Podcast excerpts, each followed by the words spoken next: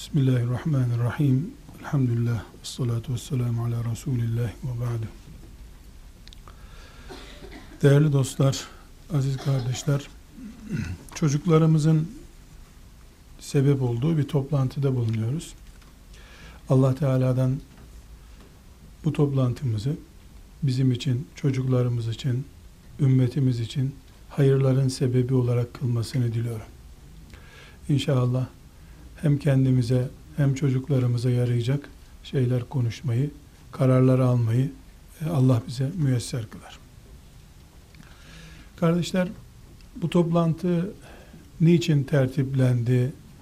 Burada ne amaçlanıyor? Zannediyorum kardeşlerimiz bu konuda sizlere bilgiler verecekler.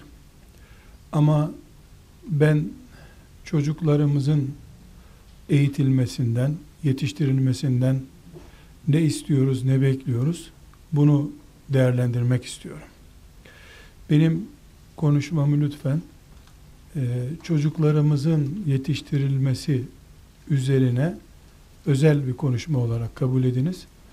Toplantının genel içeriğiyle ilgili ise kardeşlerimiz, e, diğer konuşmacı kardeşlerimiz izahat yapacaklardır inşallah. Kardeşler, çocuk konuşacaksak eğer, çocuk yetiştirmekten söz edeceksek, bir noktanın gözümüzde netleşmesi gerekiyor. Çocuk doğurmakla, çocuk büyütmekle, çocuk yetiştirmek aynı şey değildir. Hem kafirlerle hem de hayvanlarla aramızdaki farklardan birisinden söz ediyorum. Hayvanlar da kafirler de çocuk doğururlar. Büyütürler, yedirir, içirirler, giydirirler. Biz müminler olarak çocuk yetiştiririz. O kadar ki biz kendi doğurduklarımızı da başkalarının doğurduğunu da evlat gibi yetiştiririz. Hayvanlarla kafirler ise sadece doğurduklarını büyütürler, yedirir, içirir, giydirirler. Biz farklı bir anneyiz, babayız. Onlar bir araya gelip çocuk doğulmasına sebep olacak beraberliklerinin ürünü olan doğurdukları çocuğu büyütürler.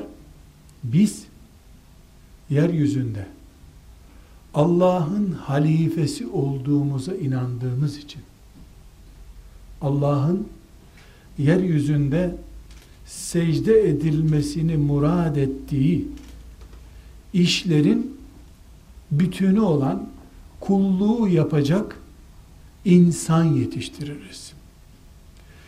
Bunun için bizim hedefimiz hiçbir kafirin hiçbir hedefsiz insanın anlayabileceği bir iş değildir.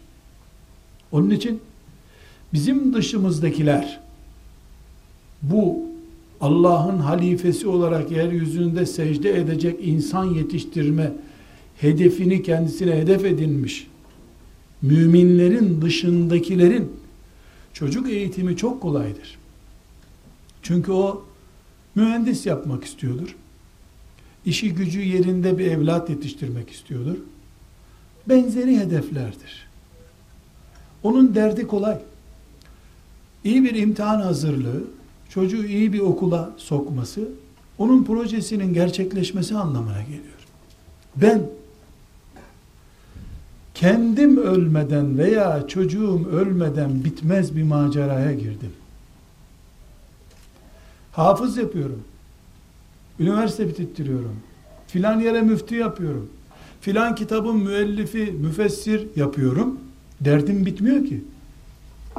İman üzere ölmek, cihat ruhuyla yaşamak gibi bir derdi var o çocuğun. Ben 100 yaşına gelsem, çocuğum 80 yaşında olsa, ben onun 3 aylıkken ki bakışımı henüz değiştiremiyorum. Yine ben oğlum, kızım, talebem acaba son nefesini Allah'a nasıl teslim edecek diye endişesi olan birisiyim. Ama kafirlerin böyle bir derdi yok. Hedefsiz insanların da böyle bir derdi yok. Onların derdi nedir? Mükemmel bir işe koyduğu zaman keyifle bir uyku uyur o. Hele evlilik de yaptırdı, iyi bir düğün de yaptıysa mis gibi uyur. Ben çocuğumu evlendirdiğin gün adeta her şey yeniden başlamış gibi olur. Bu evlilik sürecek mi diye dert ederim. Bu evliliği Allah'ın rızasına uygun yapacaklar, devam ettirecekler mi diye dertim olur. Her başarı, başkasına göre başarı ve bitiş olan her şey benim için yeni bir imtihan demek. Ben hep yeni başlıyorum. Onun asıl derdi okula vermekti. İyi bir üniversiteye girerse elhamdülillah deyip kenara çekilecek. Kafir veya hedefsiz Müslüman. Bu açıdan kimsenin dinini tenkit etmiyorum.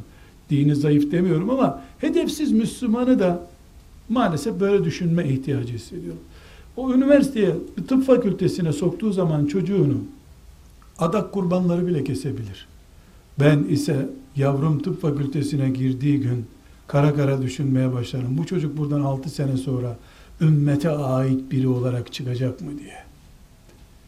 O çocuğum ilkokula başladığı zaman yeniden doğmuş gibi sıkıntıdır benim için. Hedefli bir insanım. Liseye başlar, sıkıntım başlar. Üniversiteye başlar, evlenir. Her biri benim için bir sıkıntıdır. Filanca yere müdür olarak tayin edildiği zaman hedefli bir Müslümanı kara kara düşünceler sarar. Burada ümmetin filan vilayette, filan kazadaki filan sorumluluğunu üstlenmiş birisi olarak acaba bunun hakkını verecek mi diye uykularım kaçar benim. Bu nedenle biz çocuk eğitiminden konuşurken okulu konuşmuyoruz.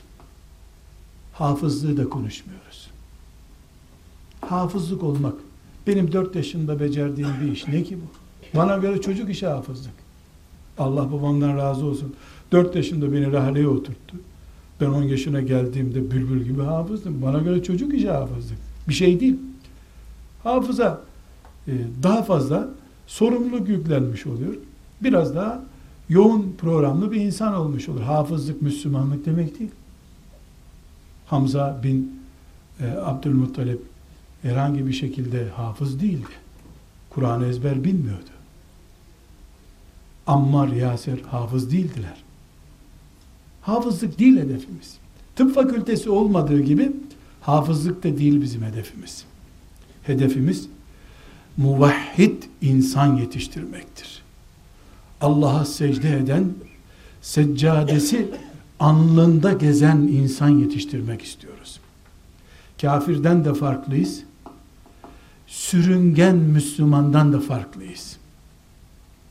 Bunun için hedefimizi konuşmamız gereken bir beraberliğimiz var şimdi.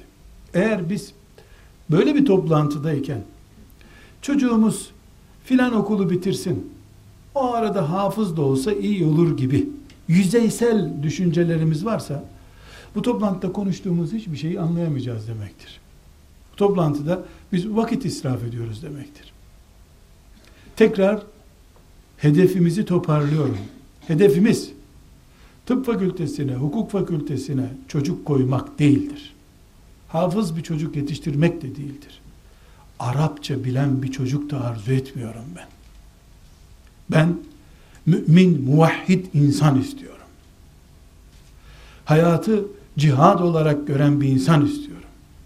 Mala tapınmayan, dünyayı ayaklarının altına alan bir insan istiyorum. Evlenecek, çoğalacak, ümmetimin çoğalması için ömür harcayacak insan istiyorum. Çok farklı şeyler bunlar.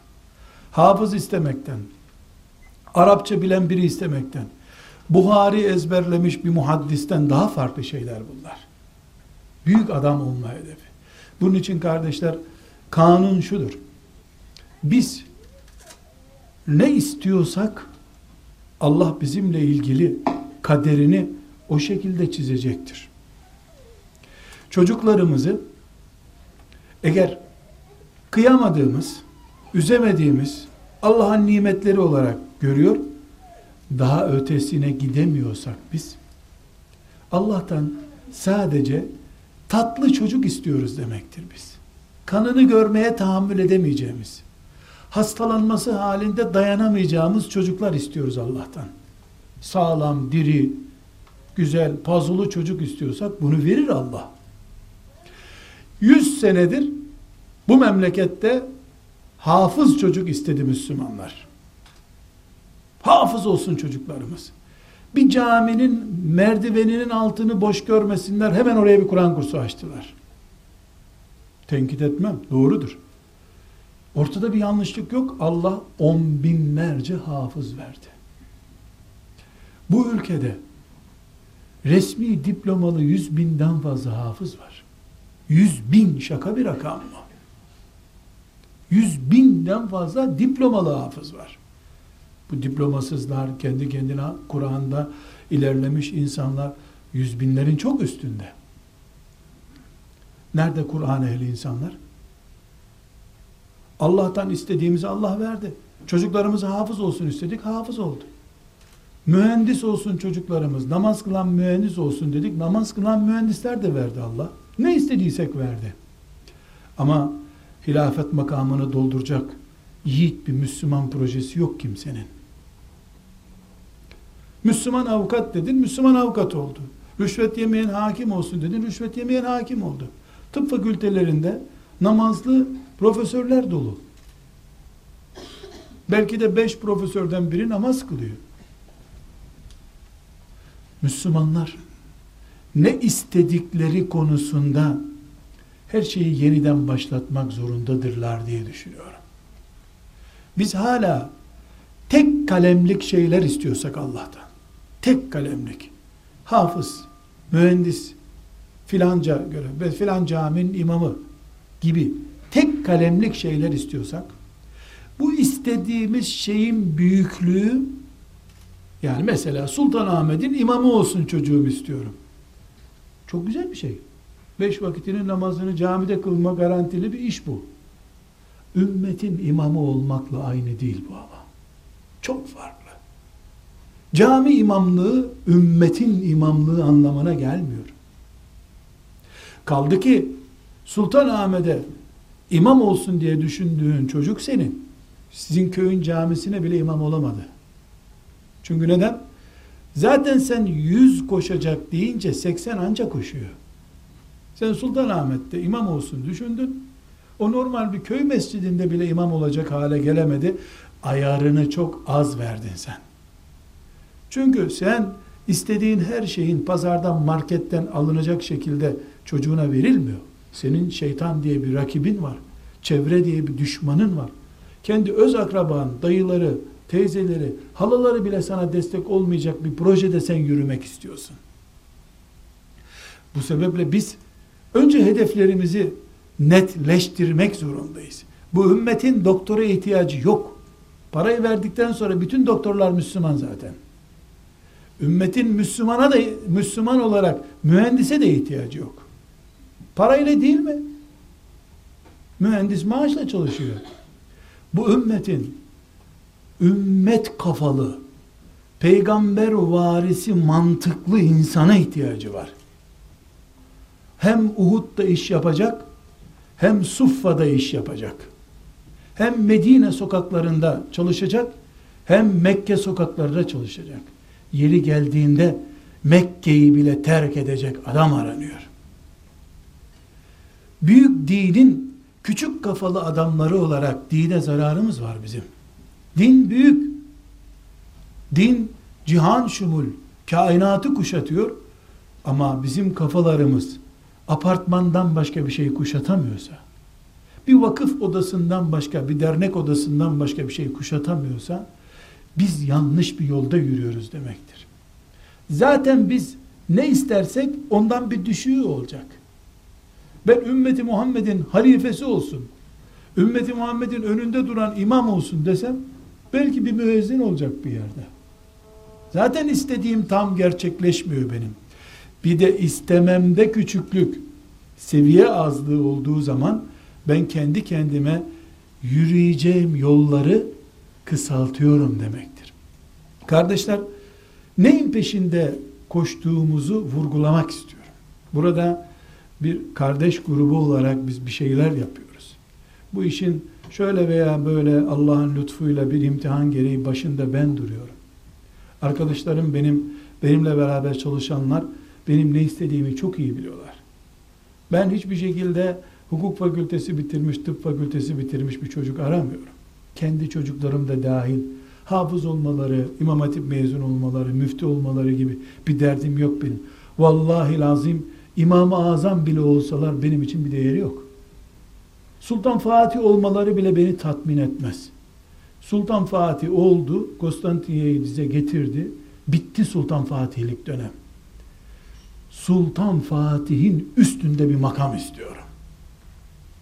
İstanbul'u değil, İstanbul'dan daha büyük Roma'yı hedef edilmiş biri istiyorum. Çünkü benim peygamberim İstanbul'u hedef gösterdiğinde bir büyük bir de küçük Konstantine var. Hangisini diyorsun ya Resulallah dediğinde önce küçüğü demişti. Büyüğü hedef olarak bekliyor demek ki. Benim oğlum, kızım hala İstanbul'un fethi peşindeyse boş işle uğraşıyor. Bitti İstanbul.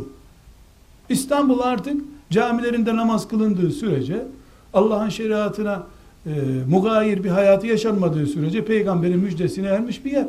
Daha büyük hedefler var. Çocuklarımın, talebelerimin, arkadaşlarımın İstanbul'la oyalanmaları bile yanlış. Nedir İstanbul onunla uğraşıyorlar hala? Bitti. Anadolu bin senedir secde ediyor. Bize daha büyük hedefler peşinde koşan bir nesil gerekiyor. Burada kardeşler birinci vurgulamak istediğim nokta hedefimizde netleşmemiz lazım bizim. Şimdi birileri çıkıp da benim bu sözlerimden Kur'an-ı Kerim'i ezberlemeyi basit gördüğümü, alim olmayı basit gördüğümü, Sultan Fatih'e düşmanlık yaptığımı herhalde söyleyemezler değil mi? Ben başka bir şey söylüyorum. Onların büyüklüğü yani bu amellerin büyüklüğü, hafızlığın büyüklüğü, Bukhari ezberlemenin büyüklüğü bunlar konuşulur şeyler değil ki. Biz Allah var mıdır yok mudur diye bir tartışma yapmıyoruz. Amenna Allah var. En iyi kulluk nedir onu tartışıyoruz. En iyi kulluk öyle değil böyle olur derken ya sen Allah yoktur mu demek istedin denmez herhalde. Biz Sultan Fatih'i niye konuşmuyoruz? Bitti bitti. Fatih'in dönemi bitti. Daha zor fetihler. Surlarla kuşatılan İstanbul dijital sistemle kuşatıldı şimdi. Edirne'den top getirerek İstanbul'a giremiyorsun. Kablosuz bir yayınla İstanbul'a girebiliyorsun. Şimdi yürekleri fethedecek. İstanbul'a ve bütün kainata kulaktan, gönülden, damardan girecek insan lazım. Ben böyle düşünüyorum. Çocuğumu da böyle yetiştirmek istiyorum. Belki bu benim çocuğuma, belki onun da çocuğuna, onun da çocuğuna nasip olmaz. Ama 3 asır, 4 asır bu eğitimi bu düzeyde yüksek tutup devam edersem ben belki 4 asır sonra kainatı bu mantıkla kuşatacak bir Sultan Fatih üstü adam gelecektir. 50 senedir 70 senedir Kur'an kurslarında hafız yapalım diye uğraşıldı. Bu sonuç gelmedi. Niye gelmedi? E, hafız istedin her yer hafız oldu kardeşim. Al sana hafız. Cenazelerde hatim okunacak, mevlüt okunacak kıtlığı var mı? Bir sorun var mı? Mevlüt okuyacak adam sorunu yaşanmıyor. Teravihlerde, hatimlerde, İstanbul gibi bir yerde yüze yakın camide hatimle teravih kılınıyor. Bu şehir 100 sene önce veya 80 sene önce Kur'an-ı Kerim'in kendi lafızlarının bile konuşulması yasak olan bir şehirdi. Şimdi devlet onaylı, devletin verdiği ek ödenekle onlarca camisinde hatimle teravih kılınıyor. Ramazanda mukabele yetişmiyor. Mukabele enflasyonu var. Kur'an okunuyor. Ama 70 senelik, 80 senelik Müslümanların hatta Tanzimat'tan beri yaptıkları bu planlamada çok küçük bir maddeye takılı kaldıkları anlaşılıyor.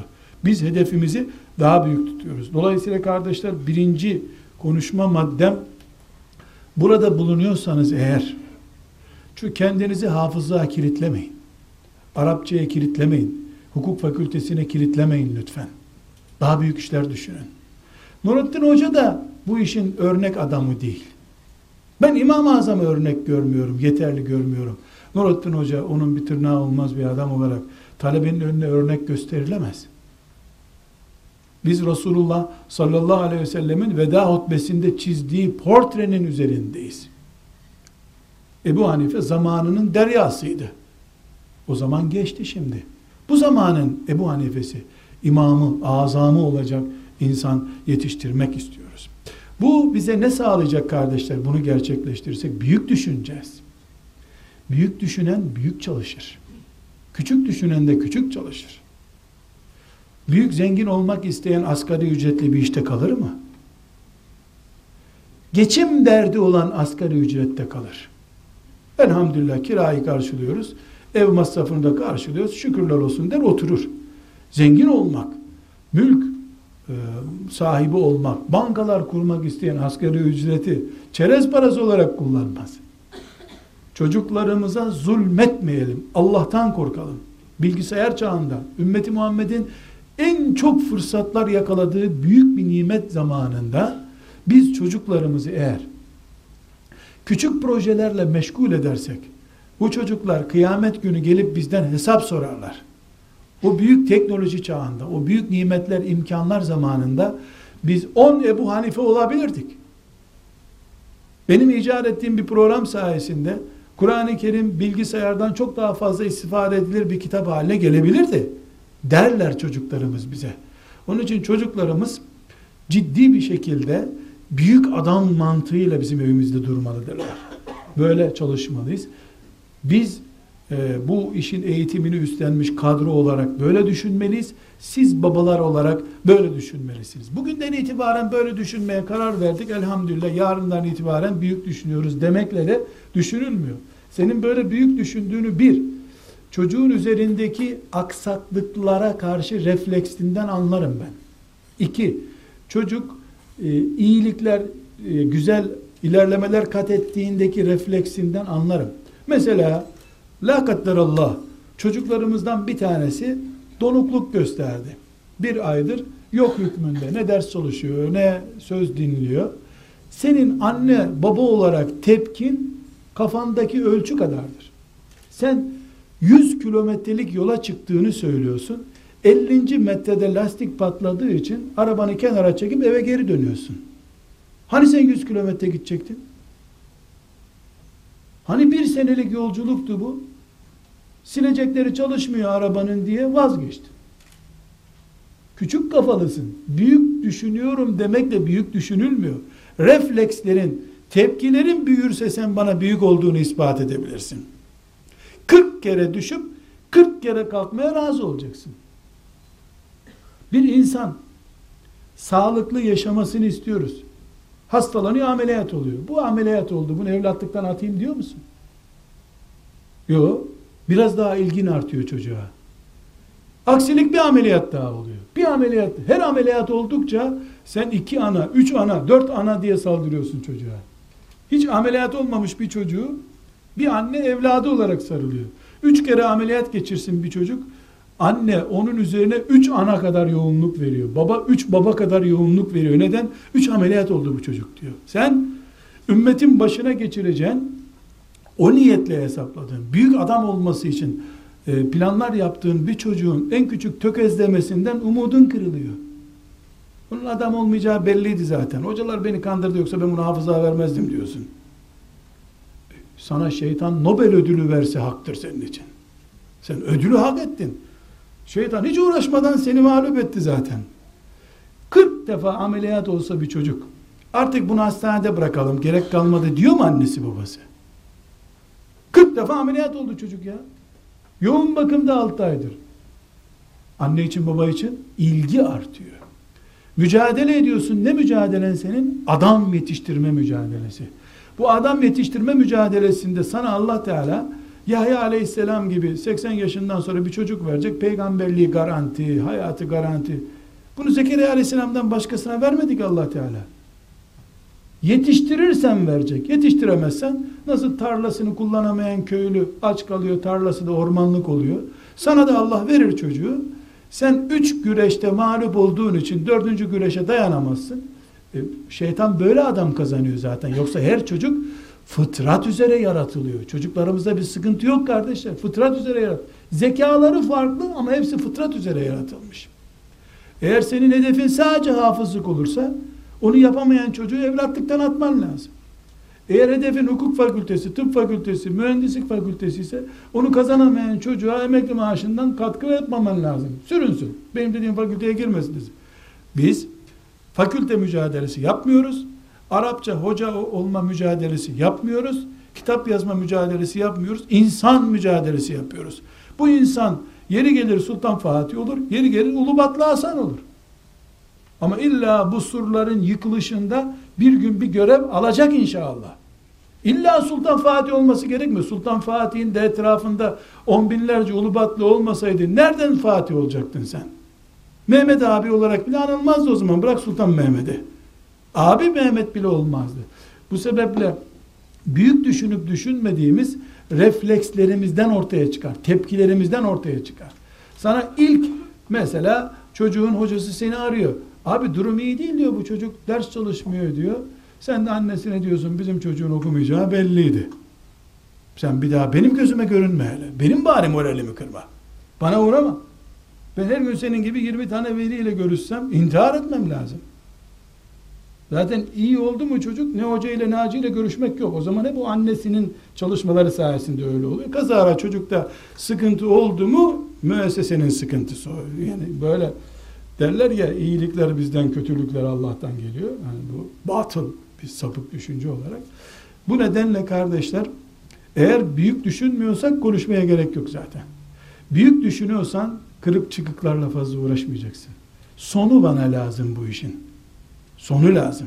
Olsa olsa bu çocuk Ebu Cehil'in oğlu İkrim'e kadar kötü olabilir. Daha fazla kötü olmaz ya. Onun şehadetine bakıyorsun Subhanallah. Nice ezan kulağına okunarak doğmuş milyonlarca çocuktan daha büyük bir şehadetle gitti Allah'a. Daha büyük bir Müslüman olarak gitti. İşin sonu önemli bizde. Sonunda nereye gideceğimiz önemli.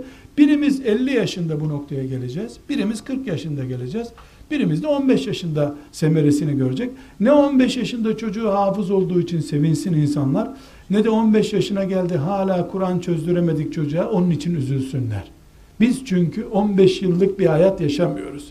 Biz öldükten sonra kabirlerimizde ameli salih olarak hasenatımızın yazılmasına sebep olacak çocuk yetiştirmek istiyoruz.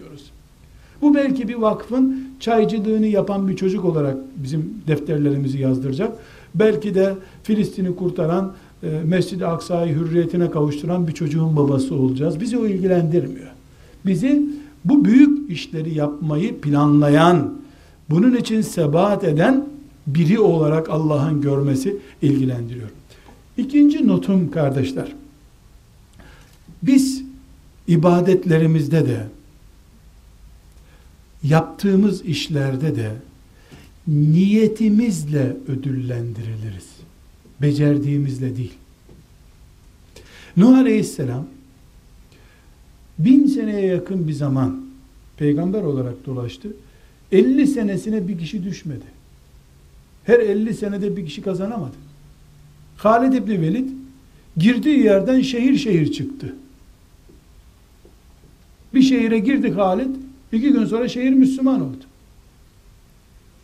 Yani 950 sene yaşayan peygamberin 950 senede kazandığının bin milyon katını Halid İbni Velid İslam'a kazandırdı. Radıyallahu anh. Peki Nuh Aleyhisselam başarısız mı? Halid Nuh Aleyhisselam'dan üstün mü? Asla. Nuh Aleyhisselam 80 kişi 90 kişi kazanamadı ama ulul azım bir peygamber oldu. Allah'tan sonra isim olarak beş büyük isimden bir tanesi. Neden? Çünkü Allah 950 senedeki nüfus sayımına göre ödüllendirmedi Nuh Aleyhisselam'ı. 950 senelik performansına puan verdi. 250 seneden sonra köyüne çekilip bari ben tesbih çekeyim demedi. 300. senesinde 3. günkü heyecanını taşıyordu. 800. senede ilk günkü heyecanıyla Allah'a davet etti. Ne dediler müşrikler o zaman? Benim rahmetli dedem de anlatırdı bu sapıklıkları sen o zaman da söylermişsin herkese. Yani dedesinden duyarmış 500 sene önce de Nuh bunları söylüyordu. Demek ilk günkü istikrarı 800-900 sene devam etmiş. Dolayısıyla Allah 90 kişi mi kazandı? 200 kişi mi kazandı? Veda hutbesinde kaç bin kişiyi okudu? Bunları ölçmemiş allah Teala. Neyi ölçmüş? İlk heyecanını ne kadar sürdürdüğünü ölçmüş allah Teala. Nuh Aleyhisselam da ilk heyecanını son gününe kadar sürdürdü. Dolayısıyla kazandı. Öyle bir kazandı ki yüz küsür bin peygamberin ilk beşine girdi. Allah Teala Peygamber Efendimiz'den sonra onun ismini anıyor Kur'an-ı Kerim'de. Sen ve Nuh diyor. Yani Peygamber Efendimiz'den sonraki ikinci insan yeryüzünde. E dolayısıyla biz şuna iman ediyoruz. Allah becerip sonuçlandırdığımız dosyalara göre puan vermiyor bize. Kafalarımızdaki niyete ve mantığa puan veriyor. Binaenaleyh ben 50 sene uğraşırım da 50 sene üzerine namaz bile kılmayan bir çocuğun babası olsam benim 50 senem boşa gitmeyeceği gibi full puanımı almışımdır Allah'tan. Bunu neye dayanarak söylüyorum biliyor musunuz kardeşler? Bir mümin öldüğünde mümin olarak öldü Allah'ın lütfuyla. Kaç sene cennette kalacak? Matematiği belli mi bunun? Mesela 70 yaşında öldü. 15 yaşında iman ettiğini kabul edelim. 55 sene mümin olarak yaşadı. Cennette kaç sene kalacak? 55 sene mi? Veya bir kafir kafir olarak öldü gitti. Kafir olarak 55 sene yaşadı. Adalet gereği 55 sene cennet cehennemde kalıp çıksa adalet bu değil mi? Adalet bunu gösteriyor. Herkes suçu kadar ceza görsün. Ama ebedi kalacak. Mümin de cennette ebedi kalacak. Kafir de cehennemde ebedi kalacak. Neden? Neden? Çok basit. Allah 55 senelik namaza karşılık vermiyor ki cenneti. Cehennemi 55 senelik şirke, şaraba, faize karşı vermiyor ki. Biliyor ki Allah, bu mümin 55 sene yaşadı, imanla öldü. 55 bin sene yaşasa gene mümin olacaktı bu. Bu zındık kafir. 55 sene daha ömür versem, 5 asır daha ömür versem kafirliğini bırakmayacak. Ebedi küfür kafası var, ebedi mümin kafası var burada. Onun için cennet ve cehennem ebedi. Yoksa bizim kıldığımız namazlar 55 sene sabaha kadar namaz kıldın. Kal cennette 55 sene. 55 sene de ikramdan olsun. Hadi 110 sene sonra çık git denmesi lazım. Cehennem de o şekilde. Öyle değil ama. Ebedi. Neden? Çünkü iman edip de ben yaşlanınca bırakarım imanı diyen var mı? Yoksa gitgide imanına mı sarılıyor insan? İşte o gitgide artan heyecan mümini ebedi cennette bırakıyor. İmanda da böyle, amellerde de böyle. Hangi birimiz Resulullah sallallahu aleyhi ve sellemin mescidinde kıldığı sabah namazını kılıyoruz ki onun kıldığı namaz, ashabın kıldığı namazın kazandırdığı cennetteki filan makamı kazanacaksın. Birimizin namazı Efendimiz Aleyhisselam'a kıyaslansa, onun sabah namazını, onun e, orucuna vesairesine amellerimiz kıyaslansa, benzerdiğin kadar da cennete gireceksin dense, herhalde sırattan bir santim öteye gidemezdik ki biz. Ama Allah böyle hesap yapmıyor. Nasıl hesap yapıyor? Senin peygamberi taklit etme arzun var mı yok mu ona bakıyor. Bunun için mümin bin kere hata işliyor. Sev secdeyle düzelt, bir daha yap, bir daha yap. Karışmıyor allah Teala. Ama niyetinde hafif bir bozukluk olsun. Şüpheli bir pozisyonda ol. 40 sene namaz kılsan kabul etmiyor onu allah Teala. Bu sebeple kardeşler bu örnekleri şunun için vermek istedim. Mümin olarak biz mantığımızla kazandığımız şeyi işimizle kazanamayız. Hiç kimse çocuğunu getirdiği noktaya bakarak ne kadar muvaffak olduğunu ölçmesin. Batıl bir düşünceye örnek veriyorum. Mesela genelde kötü çocuklar için mesela kötü çocuk kime diyorlar? Şarap içiyor, sigara içiyor vesaire. İşte faiz yiyor. işte eve gelmiyor. Bu tip çocuklar için ya bu babası anası filan zamanda ne yapmıştır acaba kim bilir. Yani herkes anne babanın geçmişteki bir hatası ya da mevcut hatasından dolayı öyle olduğunu zannediyorlar. Ondan sonra da bir şarapçının çocuğu iyi bir pozisyonda olsa ona hayret ederler. Allah Allah nasıl bu böyle oldu? Hiç de öyle değil kardeşim. Bir, hangisinin ne sonla biteceği belli mi? Hayır. Sen maçın yarısında hakem kararı veriyorsun. Daha maçın yarısı var. Kimin galip, kimin mağlup olacağı belli değil. İki, Allah'ın bu anneyi babayı bu çocuğun kötü durumuyla cezalandırdığını ne biliyorsun? Ödül sadece çocuğun Sultanahmet'e imam olması mı?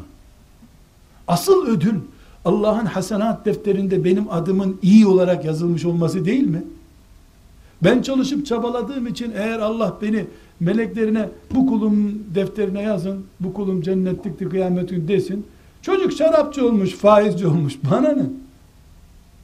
Ben o çocuk üzerindeki emellerim, o çocuk üzerindeki projelerim, o çocuk için yoğun çalışmam, o çocuk için gerektiğinde 5-6 vilayeti birden değiştirdim. Burası iyi değil, orası iyi değil, orası iyi değil. Çocuk için dolaştım durdum bu dünyada çocuk sonu kötü olmuş. E ben Nuh Aleyhisselam'dan kıymetli miyim ki her istediğimi çocuğuma yapacağım? Peygamberler de çocuklarına muvaffak olamadılar. Kardeşler ben size acı bir hakikati söyleyeyim. Bunu bir kenara not edin. Ebu Bekir radıyallahu anh başta olmak üzere ashab-ı kiram bile çocuklarını istedikleri gibi yetiştiremediler. Bu kadar basit. Yetiştirmiş olsalardı olsalardı İslamiyet 100 sene sonra sıkıntıya girer miydi? Ashab kalitesinde çocuklar var zaten. Çünkü her sahabenin 7, 8, 10, 15 çocuğu var. Bunlar 120 bin kişi Peygamber aleyhisselamın huzurundaydılar. 50 binini kadın, 50 bin erkek diyelim. 50 bin sahabi vardı. Her birinin 10 çocuğu var. 8 çocuğu var, 5 çocuğu var. Bunların o veda hutbesini dinleyen o barut gibi adamların. O etten, kemikten peygamberin etrafında sur örmüş insanların. Anam, babam, senin olsun ya Resulullah diyen bu adamlar. Her biri beşer çocuk yetiştirmiş olsalardı 100 sene sonra net 250 bin sahabe olması gerekmiyor muydu meydanda? Yok ki. Ebu Bekir radıyallahu anh'ın bir tane oğlu var. O kalitede meşhur.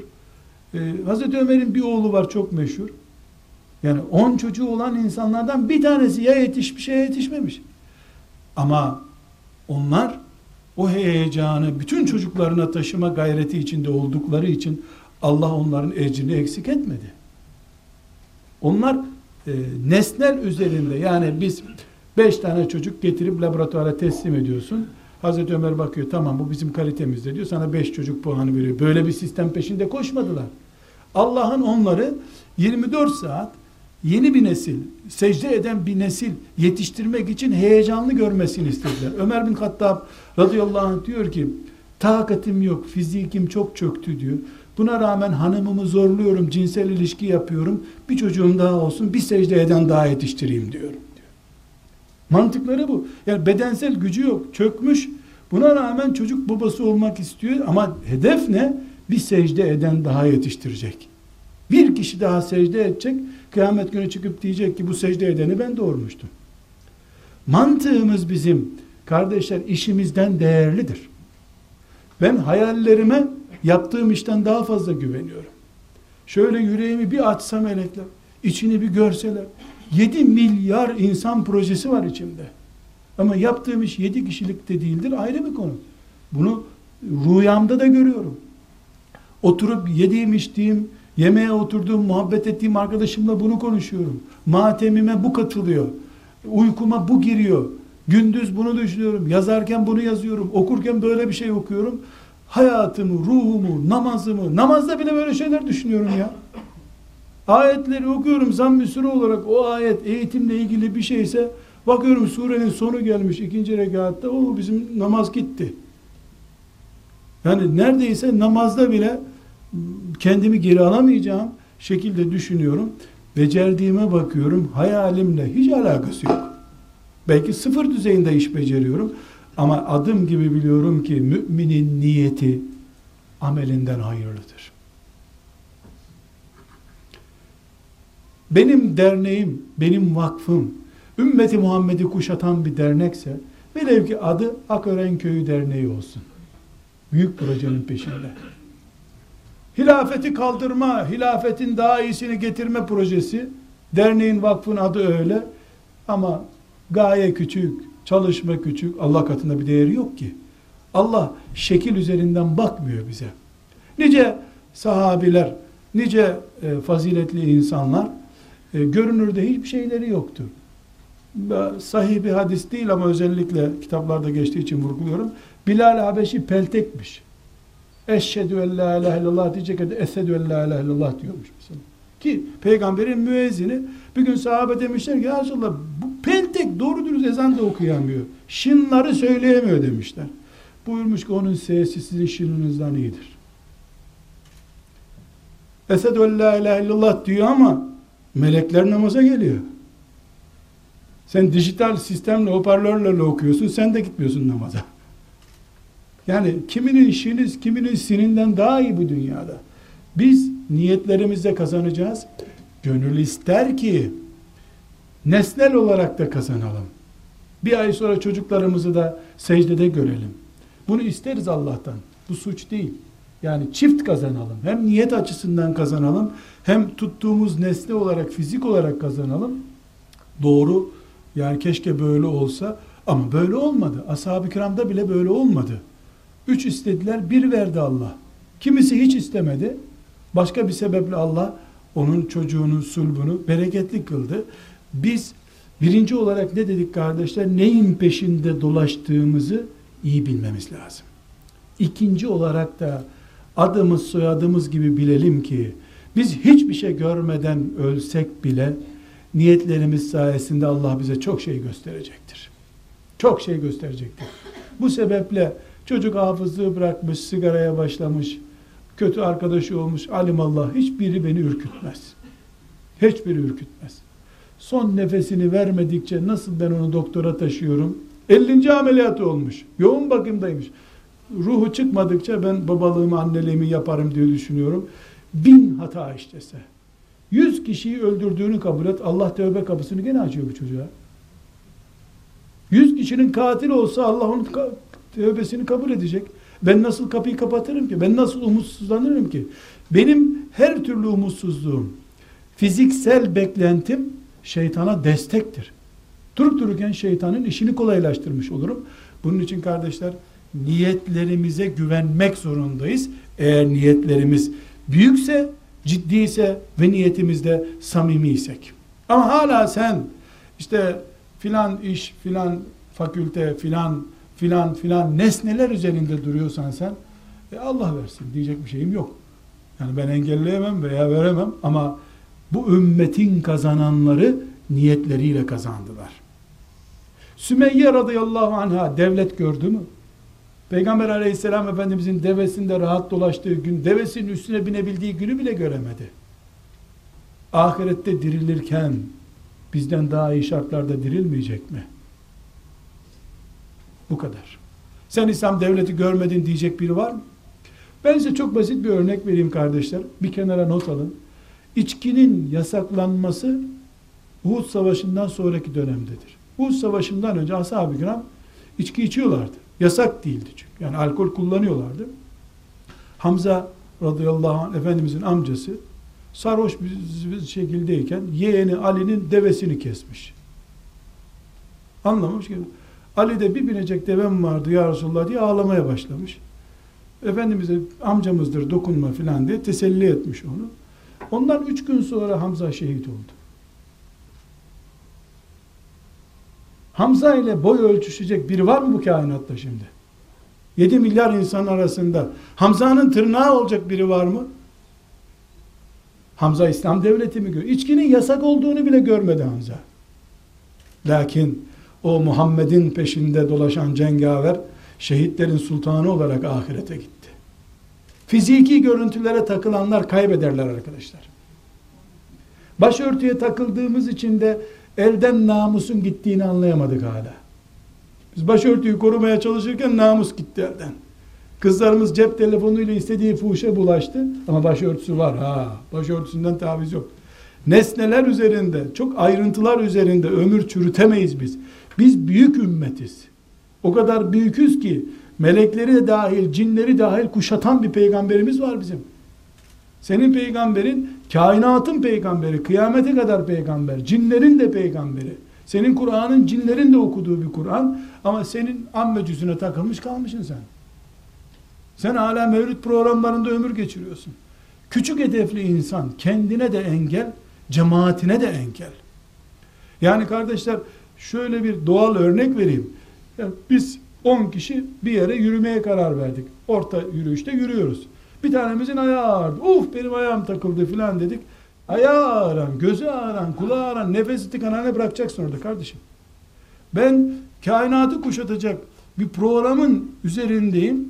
Beni gelip sen işte çocuk şu işi yapmıyor, bu işi yapmıyor diye işte annesi tembih ediyor, uykuya geç kaldırıyormuşsunuz. Çocuğu da sabah namazında biraz daha sonra. Ben neyle uğraşıyorum? Ben güneşi durdurmaya çalışıyorum ömür geçmesin diye.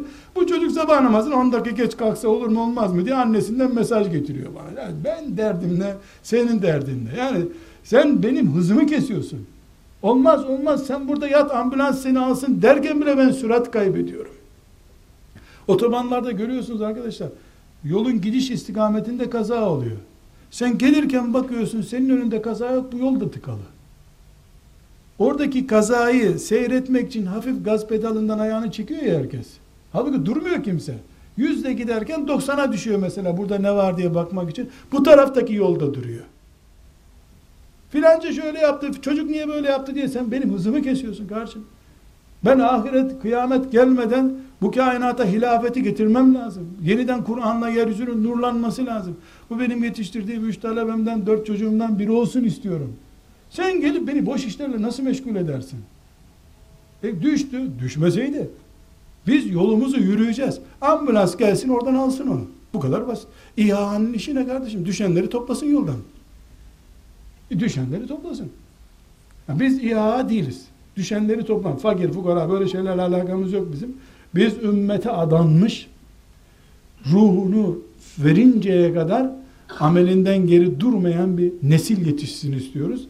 Elbette ambulans görevi yapan İHA'mız da var yani. Allah razı olsun onlardan bir şey demiyoruz. Demek ki kardeşler e, ne yaptığımızı bileceğiz. Niyetlerimize çok güveneceğiz. Bu güvenimizde hayalperest bir güven değil şüphesiz. Realiteye uygun bir güvenim olacak. Yani ben çalıştığım, gayret ettiğim tarzda güveneceğim. Üçüncü noktamız kardeşler, eğer başarı istiyorsak, şeytana mağlup olmadan yaşayacaksak, dengeli bir çalışma içinde olmamız lazım. Çocuk açısından e, dengeyi te, e, değerlendirmek istiyorum. Bir, bu çocuk ister Sultan Fatih adayı olsun, ister İmam-ı Azam adayı olsun, çocuk kardeşim bu, çocuk. Çocuk ya. Peygamber torunu, sahabiler, peygamber torunu, peygamber yalaya yalaya yüzlerini eskitmiş adeta. Onlar bile gelip Mescid-i Nebi'de peygamberin sırtına çıkıp devecilik oynadılar. Çocuk, peygamber çocuğu, peygamber torunu olmakla insani yetenekleri melekleşmiyor ki. Yani peygamber torunu oldun, peygamber çocuğu oldun, işte Kur'an'a adanmış çocuk oldun, Meryem gibi annen seni Kur'an'a adadı. Bağırsak sistemin kaldırılıyor mu? Gaz yapmıyor mu miden?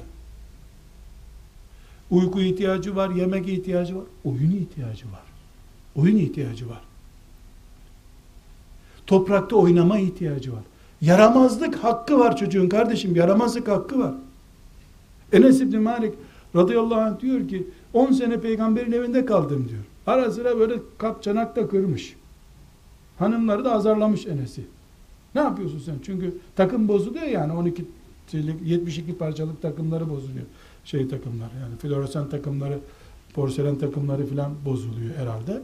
Efendimiz dönüp buyururmuş ki ne bağırıyorsunuz? Sizin gibi tabaklarında eceli vardı. Ne bağırıyorsunuz çocuğa buyurmuş.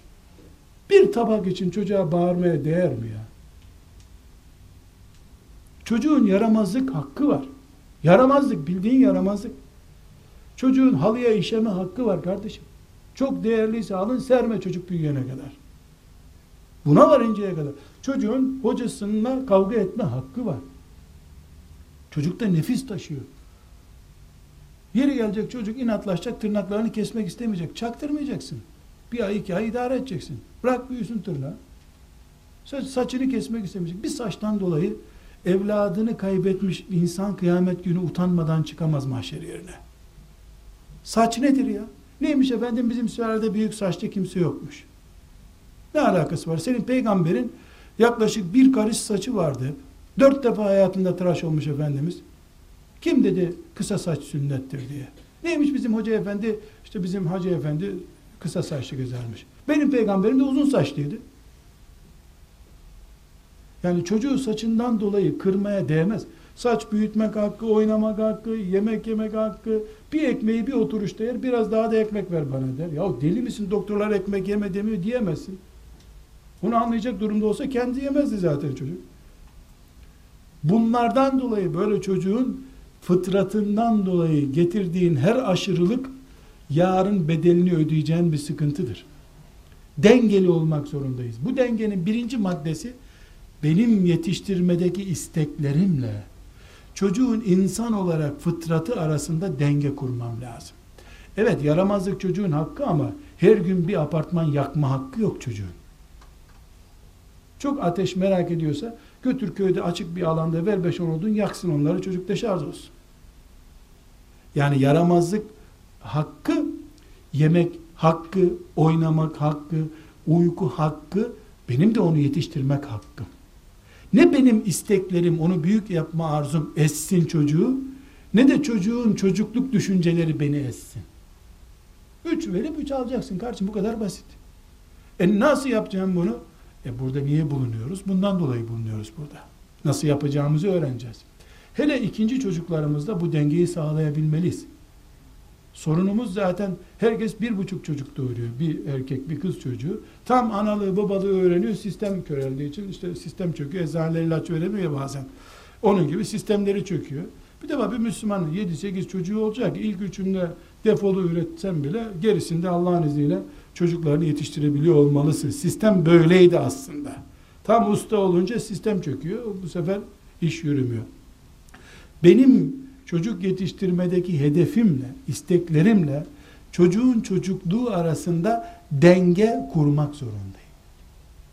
Aksi takdirde ya ben çocuğu ezerim, serseri hafız yetiştiririm o zaman. Milletin ölüsünde gözü olan bir çocuk yetiştirmiş olurum. Biri ölse de Yasin okutsalar para kazansam diye düşünür. Kur'an-ı Kerim'i ticaret kaynağı olarak gören çocuk yetiştiririm. Ya da çocuk beni ezer, hayallerimle ölür giderim ben. Denge kurma. Çocuğun da hakkı, benim de hakkım. Trafiği eşit kullanacağız. O da araba sürecek, ben de araba süreceğim. Herkes direksiyonuna dikkat edecek. Ama aksilik onun direksiyonu da sana bağlı. Çocuk olduğu için. İkinci denge unsurumuz kardeşler, ahirete dünyayı ezdirtmek de yanlış. وَلَا تَنْسَ نَصِيبَكَ مِنَ dünya.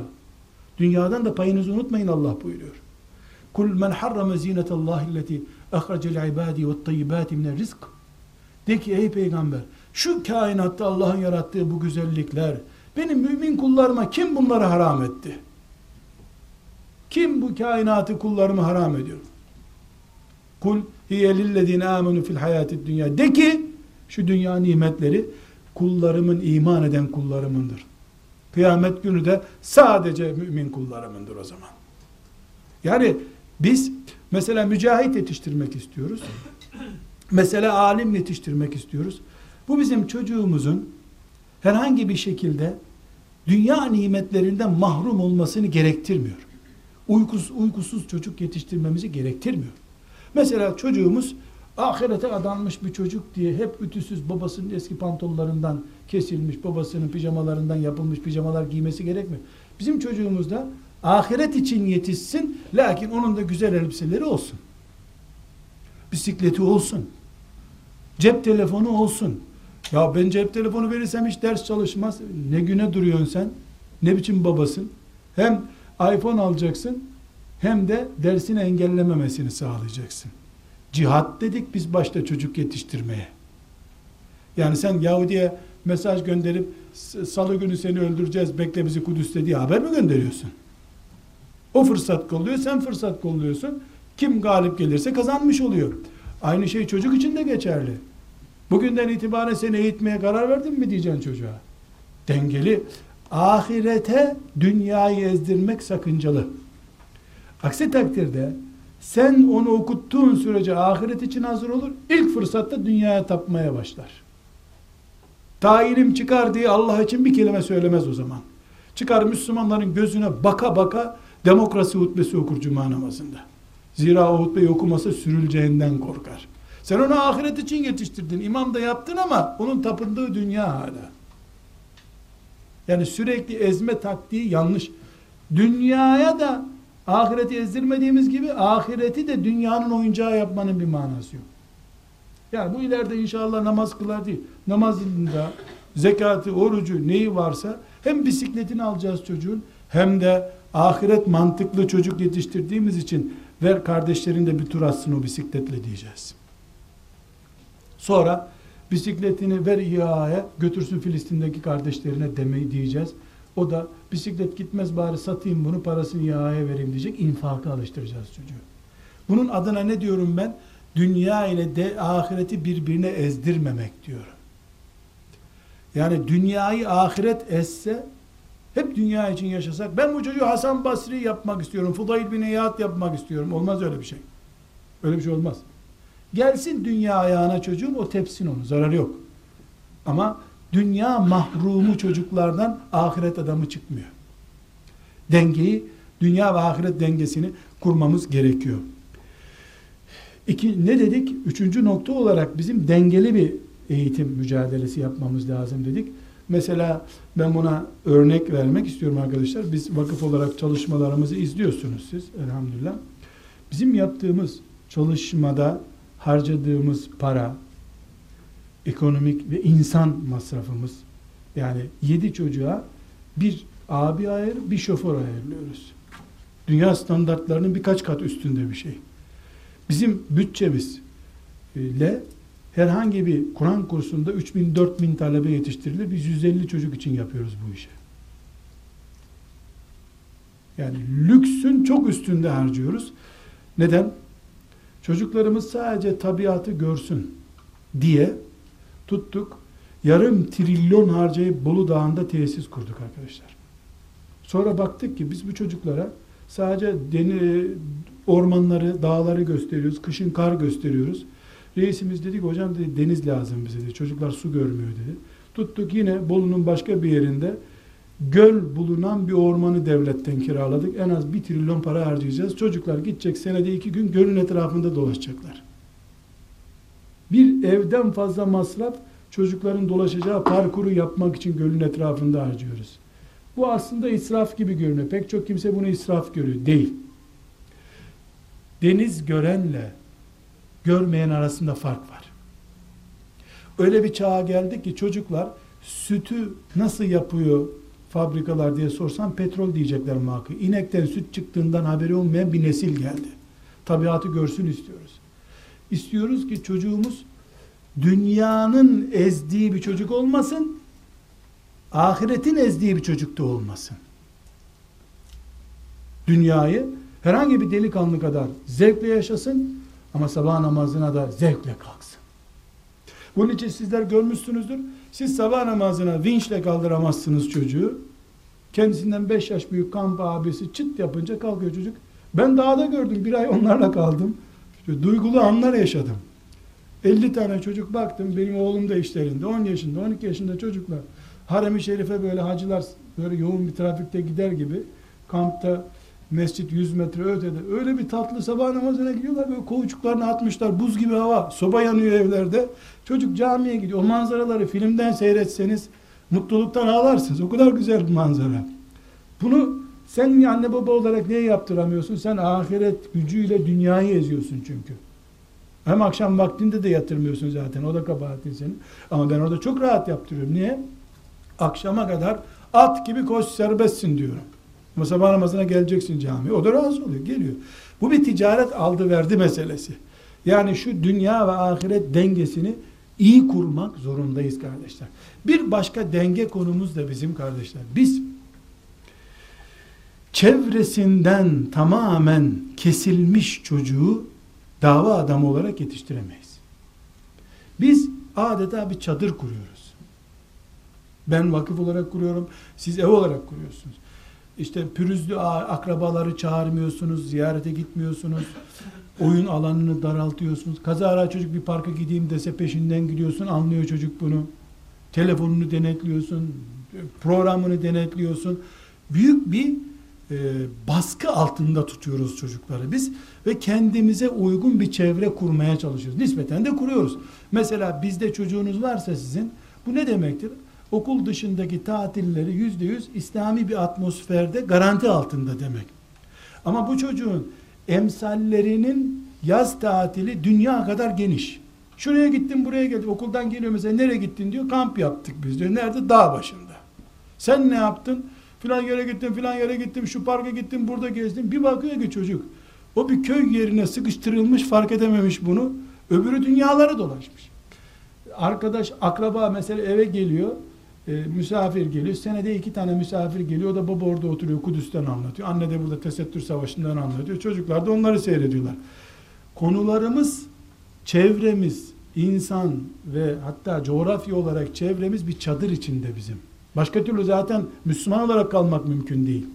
Ama çocuğun arkadaşları okula gittiğinde izlediği arkadaş kadrolarının hür bir ortamı, uzaya kadar açılmış bir arkadaş çevresi var. Onun izlediği filmleri bir dinliyor çocuk. Aa, adını şanını duymadığı filmler. Bizde futbol takımı da tutmak yasak. E, film e, tiryakisi olmak yasak.